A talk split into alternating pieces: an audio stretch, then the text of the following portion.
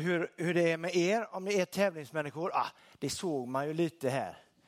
Eh, med ballongerna var igång. Så var det lite så. Lite tävlingsmänniskor. Eh, jag heter Daniel Sander och jag, Jesus tack för att du ska vara med mig så att den här predikan får tala till mig och den får tala till oss. Amen. Hur är det med er? Gillar ni familjespel? Några? Nej, inte alla. Kanske finns anledningar till det, jag har ingen aning. Eh, jag, när jag var lite yngre så spelade jag Monopol. Och då, eh, ni vet ju hur Monopol funkar. Då liksom bygger man gator, äh, man köper olika liksom bostäder, gator och, så, och de ska liksom, man ska få alla de gatorna.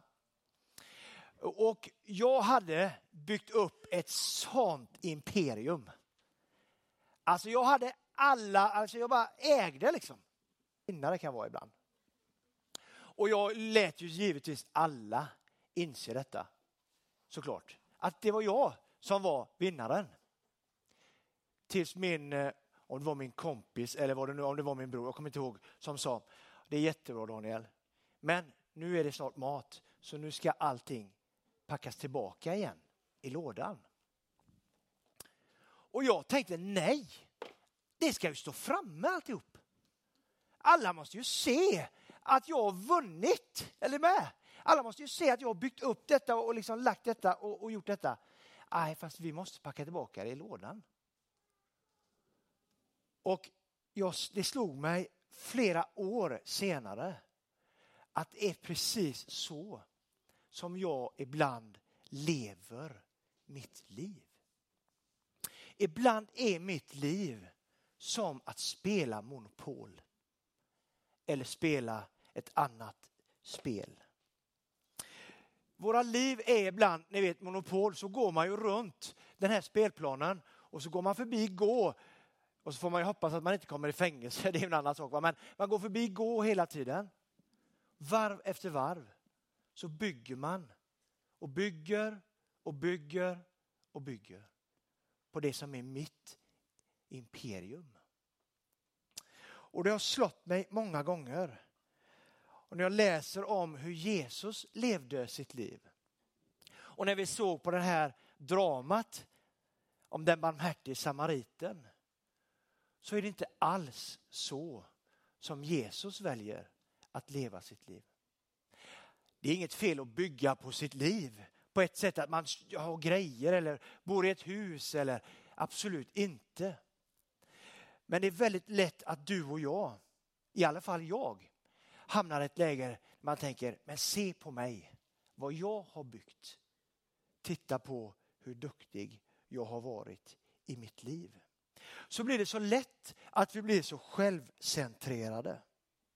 Att vi liksom försöker vinna allt. Men ofta får vi betala väldigt mycket för våran framgång. Många som har kommit väldigt långt i sin karriär och i sitt liv har också offrat väldigt. Och det är någonting att ta fasta på. Hur lever vi, du och jag, våra liv? Vad blir viktigt för oss? Hur tänker vi kring våran värld och kring våran omgivning? Vad bygger du och jag våra liv på? Och frågan är, det vi bygger på, håller det när livet går sönder? När allt rasar, håller det då det som du har byggt ditt liv på?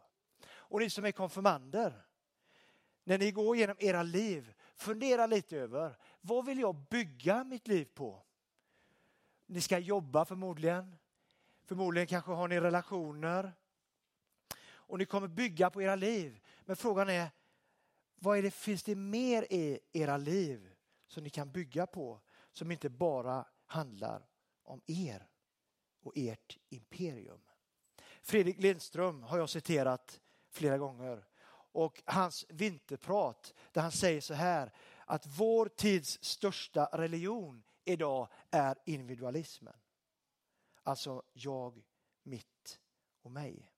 Alltså inte kanske som den barmhärtige samariten som rör sig och hjälper en människa i nöd. Gör med ditt liv som Jesus gjorde. Lev ditt liv för andra. Så här står det i Matteus evangeliet. Jag var hungrig och ni gav mig att äta. Jag var törstig och ni gav mig att dricka. Jag var hemlös och ni tog hand om mig. Jag var naken och ni gav mig kläder. Jag var sjuk och ni såg till mig. Jag satt i fängelse och ni besökte mig. Då kommer de rättfärdiga och frågar, Herre, när såg vi dig hungrig och gav dig mat? Eller dig törstig och gav dig att dricka? När såg vi dig hemlös och tog hand om dig eller naken och gav dig kläder? Och när såg vi dig sjuk eller sitta i fängelse och besöka dig där? Kungen ska svara dem, sannerligen, vad ni har gjort för någon av dessa mina minsta, det har ni också gjort emot mig. Jag vet inte hur du tänker om kristen tro. Jag har ingen aning om du har en tro eller inte. Men jag tänker att Jesu liv ändå ett, ett liv som är värt att titta på. Det är ett liv värt att leva som. Att leva som Jesus. Att bygga sitt liv på goda relationer och på kärleksfull gemenskap. Och på att bekräfta och uppmuntra andra människor. Och på att vara generös med din tid och dina pengar. Personligen så tänker jag att Jesus är den jag vill följa i mitt liv. Hur ni gör som konfirmander, det är helt upp till er. Och det har vi varit tydliga med hela tiden. Ni får själva bestämma hur ni vill göra med era liv när det rör sig om Jesus.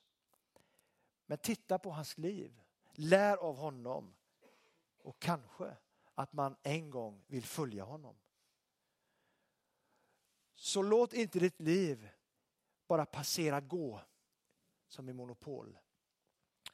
Låt inte ditt liv bara passera gå och bygg på ditt eget imperium. Låt ditt liv få bli ett liv där ni som konfirmander och ni här får leva ett liv för andra människor.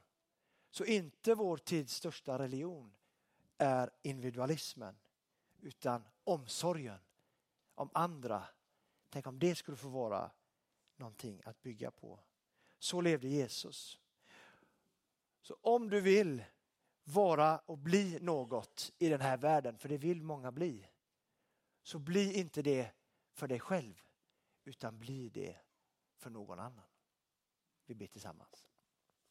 Jesus, tack för att jag får leva nära dig Jesus. Tack för att jag får bygga mitt liv på dig. Tack för att vi kan få titta på dig oavsett vad vi står i religion eller inte. Så kan ditt liv få spegla något värdefullt Jesus. Tack för det. Men tack Herre för att jag kan få vända mig till dig när livet går sönder. När det är trasigt. Så har jag någon att vända mig till. Tack för det Jesus. Jag ber för alla konfirmander som ska få bygga på sina liv på olika sätt och redan börjat det Herre. Var med dem i sitt liv Herre. När det blir jobbigt och tufft Jesus. Att de kan få vända sig till dig då. Och prata med dig, umgås med dig. Att du kan visa dem den vägen Herre. Och Jesus, tack också för den helige ande som vill röra vid varje människas liv. Som får den här barmhärtige samariten i oss att hjälpa till. Som ger oss insikt om saker som vi behöver göra för att få den här världen att bli en bättre plats att leva på. Tack för det.